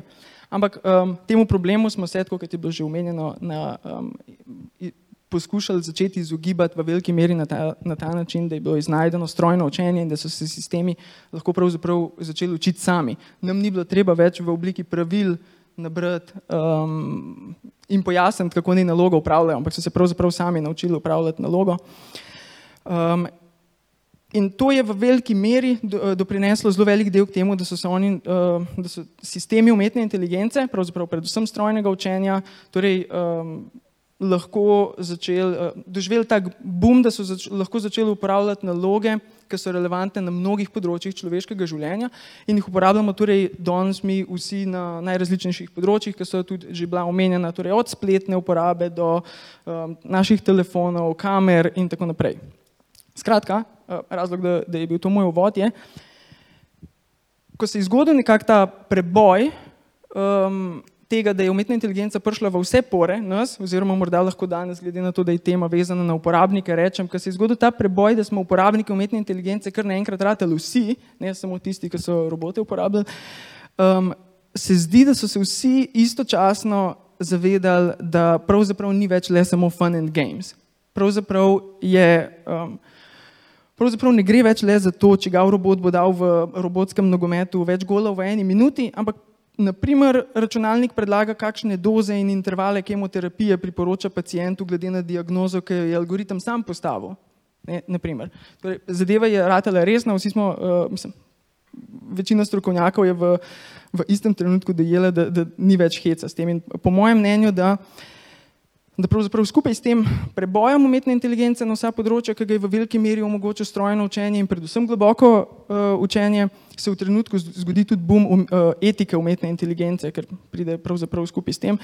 Tako da, um, po mojem mnenju, podobno kot govorimo o prvih 20 letih um, razvoja umetne inteligence, torej približno med 55 in 75 letom, tako okvirno prejšnjega stoletja, temu obdobju razvoja umetne inteligence ponavadi pravimo zlata doba umetne inteligence. Jaz iskreno mislim, da bomo v prihajajočih desetletjih um, za desetletja, v katerih mi trenutno živimo, uporabljali izraz zlata doba etike umetne inteligence. Um, vsaj, uh, mislim, da je možno, zato ker um, mislim, da se mora na, relativno na hitro zgoditi neki uh, veliki preboj, ker je ta tehnologija že tok tu.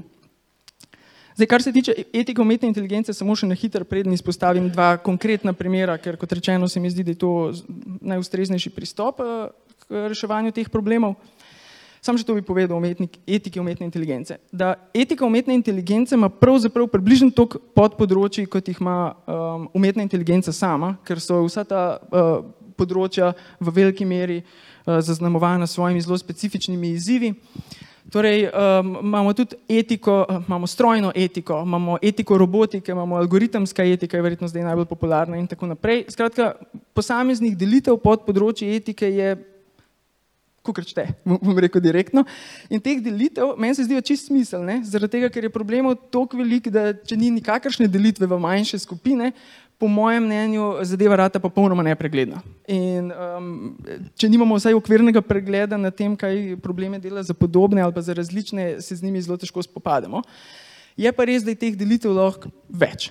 Torej, različnih delitev v te skupine, torej lahko glede na vzrok problema, lahko je problem tehnične narave, um, naprimer problem transparentnosti, ki je bil že izpostavljen, lahko je problem se tiče klasičnih problemov naše morale, torej, če ne vemo mi, um, kako sprogramirati robote, da se bodo recimo um, uh, moralno obnašali, katero moralo jim torej. Ta prvi problem je, kako jim unesti v moralo, um, te, ampak na to že morda imamo neke odgovore, naprimer, damo mu spisek pravil, kaj lahko počne in kaj ne. Naprimer, um, pri vprašanju, katero moralo mu pa unesemo, smo pa vsi malo mrzli, ne, ne vemo točno, kaj narediti, ampak to je torej bolj kot problem umetne inteligence, problem nas, ne, tega, kako mi dojemamo moralo, torej to je en lahko vzrok. Nekateri problemi so pa recimo problemi, tako kot je tudi bilo omenjen, da to, da zlobni ljudje, ljudje dobijo popolnoma neutralno umetno inteligenco v roke in jo uporabljajo v zlobne namene, um, to je tudi lahko etičen problem. Skratka, um, če delimo glede na vzroke, se zdi smiselna delitev, ker je dobro, da poznamo vzroke, če se želimo s problemi spopasti lahko delimo te probleme na področje uporabe, lahko jih delimo, je po mojem tudi čist legitimna delitev na probleme, ki so aktualni ali pa na probleme, ki bojo potencialno morda enkrat prišli, ker če ne drugega, ta delitev je smiselna, po mojem mnenju, zato ker če ne drugega sugerira različno metodološki pristop, ali mi poskušamo problem rešiti ali poskušamo problem preprečiti, zahteva malenko drugačen pristop, tudi čist sprejemljiva delitev.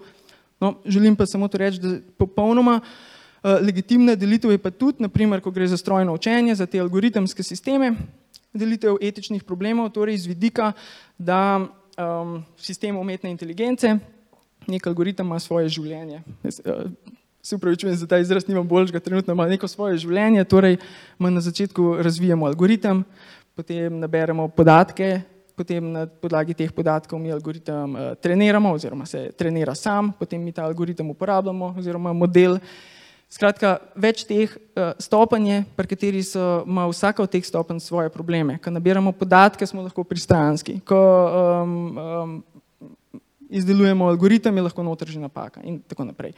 No, ta, ta zadnji aspekt, skor, čim, uh, ki je zelo pri koncu, torej uporaba tega algoritma, se mi zdi, da je to, kar nas danes čisto res interesira, glede na to, da govorimo o uporabniku in iz te široke palete problemov, ki jih ta, ta zadnja skupinca, ki je vezana na etiko uporabe umetne inteligence, ki, um, ta široka paleta problemov, ki so tukaj znotraj, sem jaz želel samo danes na hitro uh, dva izpostaviti, ki bi delovala kot provizorična primera, kako hitra ta kompleksna etika umetne inteligence. Ta prvi problem je, um, problem avtonomije. Skratka, prvi problem je problem avtonomije in se nanaša na to, kar je že bilo um, um, izrečeno, torej, da se uh, spletni algoritmi pravzaprav na nek način prilagajajo našemu okusu, um, sledijo um, temu, kar mi iščemo na spletu, na podlagi tega nam predlagajo reklame in tako naprej. Skratka, rekel bi, da velik del umetne inteligence je danes pravzaprav usmerjen v izboljšanje uporabnikove izkušnje. Torej, uh, video igre imajo že vse čas to, da uh, poskušajo izboljšati uporabnikovo izkušnjo, tako da se um, te figurice, ki niso ljudje, obnašajo v igrci, kot da so ljudje. Um, spletni brskalniki nam pomagajo s svojim sugeriranjem, um, asistentka Siri nam pomaga, da nam ni treba več telefona v roko prijeti, avtomatičen fokus kamere na pametnem telefonu, kar zazna obraz sam od sebe, se nam ni treba matrati. Skratka, izkušnja načeloma uporabnika je izboljšana. Torej, na spletu, to je ta primer, algoritemski sistemi upravljajo pravzaprav mnoge neke selekcije in filtracije, uh, kaj vidimo in česa ne vidimo. In uh, ne povdarjam na samem začetku, jaz nimam tukaj nobene ideje, da so ti algoritemski sistemi, ki filtracijo upravljajo v kakršnem koli smislu zlobni. To že dobro je bilo povedano, to so samo algoritmi, ki zelo dobro obdelujejo podatke in nam pomagajo, da se znebimo, da ne, ne vidimo vsak dan veliko stvari, ki jih nočemo videti. Ampak um, uh, problem, problem avtonomije, ki ga poskušam izpostaviti, je v vsakem primeru vseeno prisoten. Uh, Um, skratka, na spletu algoritemski sistemi upravljajo te neke selekcije in filtracije, kaj mi vidimo in česa ne, in katere reklame se nam pokažejo, katere novice pridejo do nas, kateri videi so nam ponujeni na YouTubu, katere zadetke iskalnik, naprimer Google, ponudi na vrhu strani, katere prijatelje nam Facebook predlaga, nekaj prijatelje nam predlagajo ti algoritmi, rečejo, morda želite poznati in je navedena ena oseba. To sicer res izboljša našo izkušnjo brskanja po spletu, ne, ne na zadnje vsebine so nam prilagojene, tako vidimo manj stvari, ki jih nočemo videti, prihranijo nam čas, ker nam dokončajo kar stavek. Mi samo prvo polovico stavka napišemo v Google, pa je že dokončan skoraj. In res nas napotijo na stvari, ki so nam interesantne, torej recimo pomagajo nam najti glasbo, ki bi nam morda lahko bila všeč, na podlagi te glasbe, ki nam je všeč. In v tem so algoritmi dejansko izredno dobri. Uh, problem, uh, ki je pa vse pogosteje izpostavljen, danes se zdi na področju etike umetne inteligence, pa je, da to morda do neke mere ogroža našo avtonomijo. Dovolite mi tle, da samo kratek filozofski ekskurs. Um, kolikor je avtonomija razumljena kot recimo zmožnost uh, povsem nekega svobodnega odločanja in delovanja, in prav je, da ohranimo pred očmi, da lahko koncept avtonomije, prav lahko ga interpretiramo tudi drugače. Je izredno kompleksen uh, koncept, ampak v vsakem primeru je vsaj po navadi koncept avtonomije vezan na samo zakonodajnost, torej na to, da sam se postavljam pravila v smislu, da lahko sprejemam svoje odločitve, ne da bi name vplivali zunani dejavniki, če jaz nočem. To je v veliki meri avtonomija. In ponavadi moramo dosegati nekatere kriterije, da lahko govorimo o povsem avtonomni odločitvi. Ne? različni avtori ponujajo različne kriterije, ampak recimo običajni so, da prvi je um, naprimer intencionalnost. Torej, jaz moram imeti namen storiti dejanje. Če jaz storim po nesreč dejanje, ne moramo reči, da sem ga avtonomno storil. Drugi kriterij je, naprimer, da odločitev ne smemo biti prisiljeni od zunaj, torej motivacija mora biti notranja. In ta tretji je, naprimer, da potrebujemo pregled nad kontekstom odločanja, torej vedeti moramo, kaj so jasne alternative med stvarmi, med katerimi izbiramo. Naprimer, če ne vemo točno, med katerimi možnostmi izbiramo, uh, tudi naša izbira ni povsem avtonomna. In ta, ta zadnji aspekt, um, torej, da nimamo pregleda nad možnostmi, um, torej do neke mere onemogoča našo avtonomno izbiro in pravzaprav se zdi, da se na spletu točno to dogaja, da to, da so nam stvari, uh, da nam algoritmi filtrirajo, kaj vidimo in kaj ne, do neke mere um, s tem, ker nam določene stvari uh, zakrivajo ali pa vsaj ne pokažejo, um, onemogočajo našo avtonomno zares izbiro. Torej, jaz upam, da je razumljivo. Rečeno tako, če so novice, oglasi, videi, ki jih YouTube predlaga, knjige, ki nam jih Amazon predlaga, prijatelji, ki nam jih Twitter predlaga, če so vse čas filtrirani tako, da so prilagojeni mojemu iskanju, bom, bomo vedno bolj lahko videli te stvari, ki so vezane na naš okus. Ne bomo več videli alternativ in temu pravimo, da smo zaprti v tako imenovan spoznavni mehurček, to je en izraz ali pa zelo podobna stvar je uh, odmevna komora, zelo podobna izraza za malo različna fenomena, ampak rečemo za potrebe te, te debate uh, spoznavni mehurček. Torej, karikatura bi bila, da ko na spletu pogledate rezultate uh, zadnje NBA tekme in po možnosti še v Google upišete Dončić, ker vas zanima statistika iz njegove zadnje tekme. Um, lahko, prav, lahko torej pride do tega, da kar naenkrat vam YouTube ponuja highlighte iz zadnje tekme in da Amazon vam pošilja maile s ponudbami za adrese in vi ne veste, kaj za vraga se je zgodilo. In um, podobno se dogaja tudi z, z, z takimi novicami, ki so bolj resne. Nočem uh, reči, da zmaga dala se ni resna, če so fani v publiki, ampak um, uh, te, ki so bolj resne, torej za, uh, ki se tičejo političnih stvari in tako naprej. Um, Vi lahko preberete en političen članek, um, recimo, ki je, zmišljujem si, nekoliko bolj konzervativen in, član, uh, in algoritem zazna, da ste ga imeli odprtega 20 minut in mu določi visoko relevantnost pri nadaljem filtriranju novic ali pa oglasov za knjige in tako naprej. In postopoma vi izgubljate stik z alternativnimi pogledi, ker vas zapira v ta bubble. In to odpira tri ključne probleme. Odpira tri ključne uh, vidike. Ta prvi je, po mojem mnenju, da uh, to že ima zelo velik vpliv na našo sposobnost kritičnega mišljenja. Torej, um, če iz naše dnevne interakcije z novicami izuzamemo alternativne poglede in je feedback, ki nam ga svet daje, pravzaprav potrditev našega mnenja, ker je feedback prilagojen mojim pogledom in mojim željam, um, to ne zgleda dober recept za gojenje zdrave sposobnosti kritičnega mišljenja, po mojem mnenju. Druga možnost, mislim, drug uh, tak jasen problem je, da to zakrivanje alternativnih pogledov, uh, smo rekli, da vodi v neautonomno recimo, odločanje.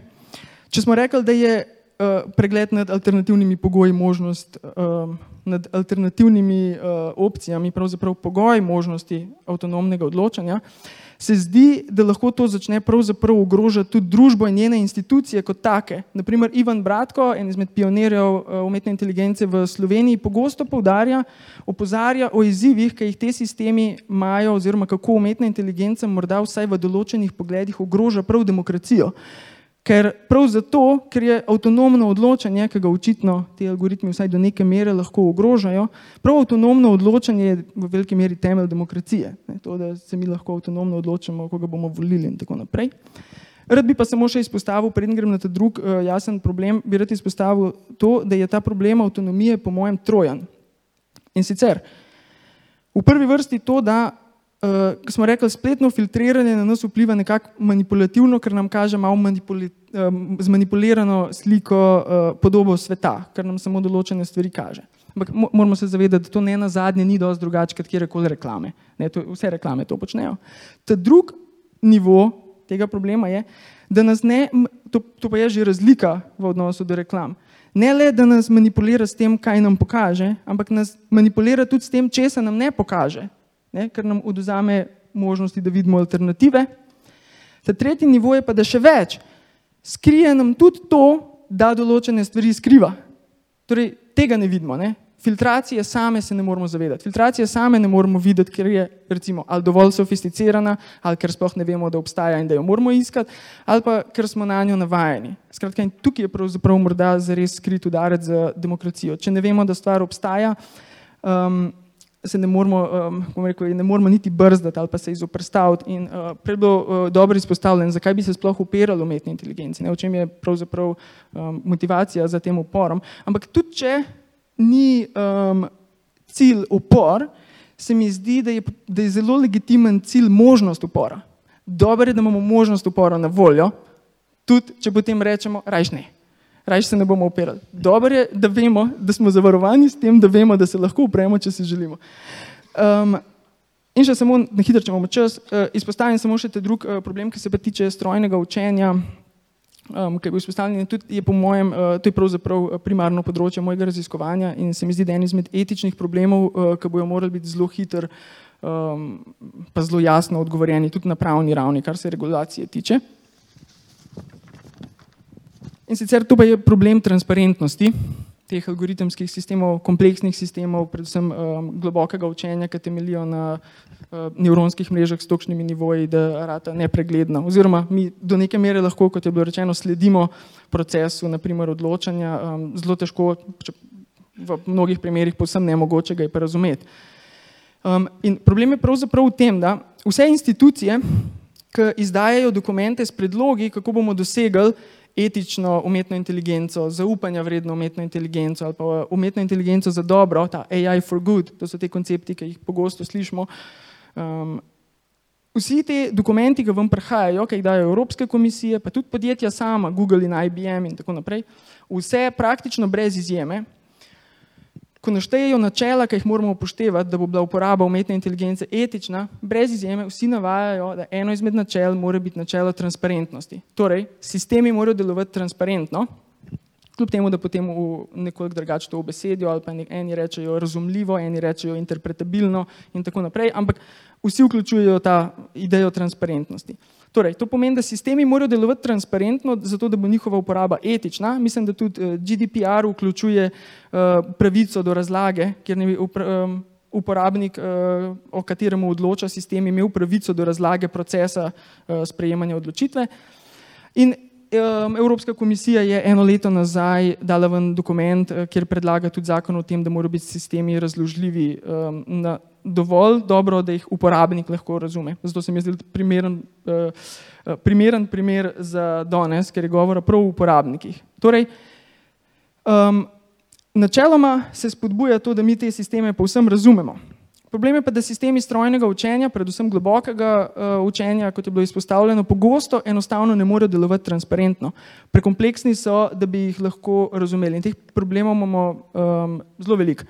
Um, Ivan Bratko in uh, njegovi kolegi iz fakultete za računalništvo so razvili kar nekaj programov, ki so, uh, so recimo preko glasu, glas smo posneli, posneli 10 sekundni posnetek in je um, povedal tako binarno, a, a zaznava um, možnost um, Parkinsonove bolezni v osebi, ki je glas povedala. In so to zelo dobro razvili na telefonska aplikacija, kjer je bila ta procent uspešnosti, uh, jaz ne vem točno, kako je bil testiran, ampak ne bi bil zelo visok v 80 procentih in tako naprej. Ampak nikoli ni bilo nič točno iz, tega, uh, iz te aplikacije, zato ker noben od njih ni vedel, kako deluje. In torej, to je problem, ker smo jih naučili, da se sami učijo, smo v veliki meri izgubili nadzor nad njimi. In tako imenovani odločitveni sistemi, torej algoritemski sistemi, ki nam pomagajo pri sprejemanju odločitev, naprimer v medicini postavljajo diagnoze, na bankah jih uporabljajo za odločanje o tem, komu odobriti kredit, sodišča v Ameriki jih uporabljajo za odločanje o tem, komu odobriti pogojni izpust in tako naprej. Uh, mi pa ne vemo, kako sprejemajo odločitve. Problem je torej v tem, uh, jaz vidim problem torej predvsem v, v um, tem uh, stičišču, ne, ne razlo.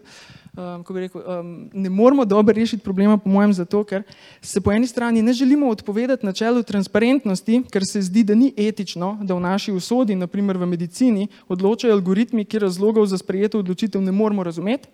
Po drugi strani pa se zdi tudi neetično, da sistemov, ki načeloma delujejo res dobro in lahko v medicini dobesedno rešujejo življenja, kot je bilo izpostavljeno, ne uporabljamo zato, ker ne vemo, kako jim pač uspe rešiti življenja. To, to najbrž ni v redu pristop.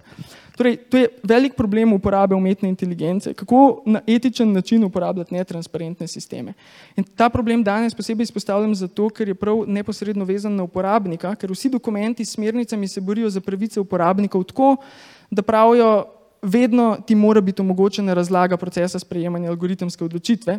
Ta obljuba pa, in to predvsem verjetno na področjih, kot so naprimer medicina in tako naprej, ne more biti izpolnjena, ker razlage zaradi kompleksnosti delovanja teh sistemov v veliki meri, um, mislim, danes ni mogoča in kljub temu, da je posebej področje razložljive umetne inteligence, ki se prav s tem ukvarja, se zdi, da v veliki meri nikoli ne bo mogoča. In ta zagonetna dilema ima resne posledice tudi za ostale izzive, kot sta naprimer zaupanje in odgovornost. Torej, kako zaupati sistemom, ki jih ne razumemo, ali pa kdo je odgovoren, če algoritem sprejme odločitev, ki se izkaže za, za napačno. Skratka, bom na tem mestu ustavil. Želel sem torej s pomočjo teh dveh primerov nekako upozoriti na kompleksnost, ki smo ji priča v trenutku, ko se lotimo posamičnih teh partikularnih etičnih izzivov, um, kar je pa, kot rečeno, po mojem mnenju, edin zares ustrezen pristop k reševanju tovrstnih problemov. Hvala. Hvala, kolega Miklavčič. Predlagam, da vsi uh, premislimo eno ključno misel za na konec? Um, jaz mislim, da tista stvar, ki je pomembna, je, ljudi je preveč strah. Ne sme nas biti strah. Tako kot smo previdni z orožjem, tako kot smo previdni s prehrano, tako kot smo previdni pri pač, medčloveških odnosih, tako se moramo začeti zavedati tega, to se pravi, izobraziti se moramo, to je nova stvar, izobraziti se moramo, kako dela in ji dovoliti, da nam pomaga, ker nam lahko pomaga. In pogumni moramo biti v tem. Ne videti problemov, izobraziti se in izkoristiti.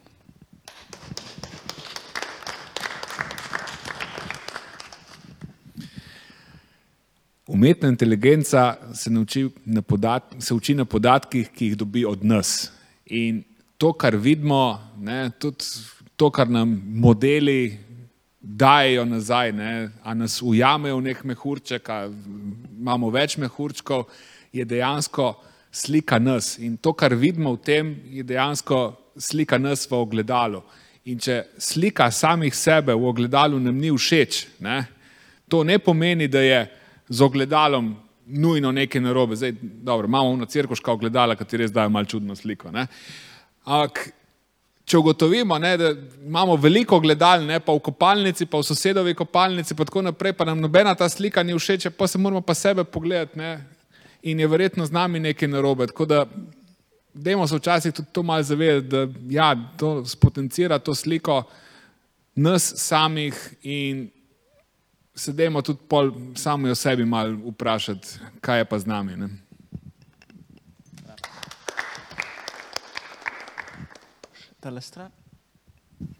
Um, ja, o inteligentnosti je bilo danes govora, pa kot psiholog mogoče lahko povem, da inteligentnost ne, ne izvira iz računalništva, iz, iz psihologije in spoznavanja človeka in je definirana kot sposobnost razumeti ali pa se naučiti ali pa se soočiti z novimi nepoznanimi situacijami. In prav na tej točki smo in zaupamo človeško inteligenco, predvsem pa našo sposobnost, da spoznavamo, se učimo in mislim, da je to prava pot do etičnega odločanja. Brez, no, ali pa vsej nujna, a morda ne zadostna sestavina. Ampak brez poznavanja tega področja, brez tega, da um, naši uh, otroci, študentje, starostniki poznajo vse osnove, kako to deluje, imamo težko informirano debato. Brez izobraževanja ni demokracije, pa tudi etike, verjetno ne. Uh, tako da bi mogoče upal, da je naša debata malo prispevala k tem izobraževanju na tem področju. Hvala.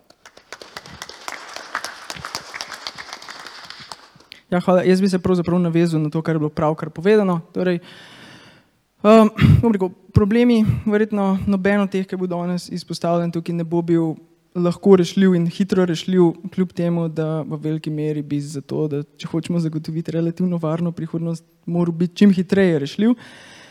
Um, re, rekel bi pravzaprav samo to, da je um, takšni dogodki in tem podobni dogodki so velika spodbuda za, za to, da, da tudi na tej točki predstavimo oziroma nekaj naredimo, sploh zato, ker je Slovenija znana po izvrstnih strokovnjakih na področju umetne inteligence.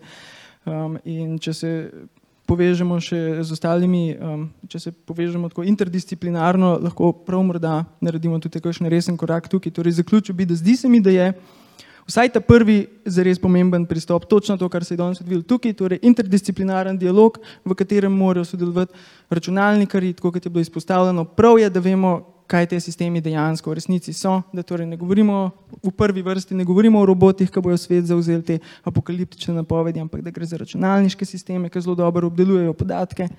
Potrebni so humanisti in družboslovci, ki lahko opozorijo na tako družbene probleme, kot lahko opozorijo na morda logiko moralnega odločanja ali pa um, nekaj dodajo svojim antropološkimi upogledi. Teologija je bila omenjena v to, kam bi razvoj uh, te tehnologije, ki naj bo usmerjen na človeka, torej naj razvoj tehnologije sledi razvoju človeka in ne obratno, nekako sugerira ali pa ponudi smernice, kam bi ta razvoj naj šel. In sodelovati morajo tudi ne na zadnje pravniki, ki lahko potem ta dognanja vseh prevedajo v za vse zavezujoče zakone, ki jih potem moramo vsi upoštevati, da v družbi to dejansko tako deluje. Ne na zadnje pa seveda moramo sodelovati vsi, ker se bo to, se, so vprašanja, ki se tiče nas vseh, torej nas uporabnikov, kar je tema današnjega, um, uh, tudi bila današnjega večera in prav zato v veliki meri se zahvaljujem vsem sogovornikom, tudi uh, vsem prisotnim, ker, um, ker je tudi, tudi vaš doprinos ta, ki je uh, ključen za to, da ta diskurs ima neke sadove. Hvala. Hvala torej vsem gostom, hvala tudi vsem, ki ste prišli na današnji panel. S tem se v bistvu Nikodemovi večeri šele dobro začenjajo. Srečno!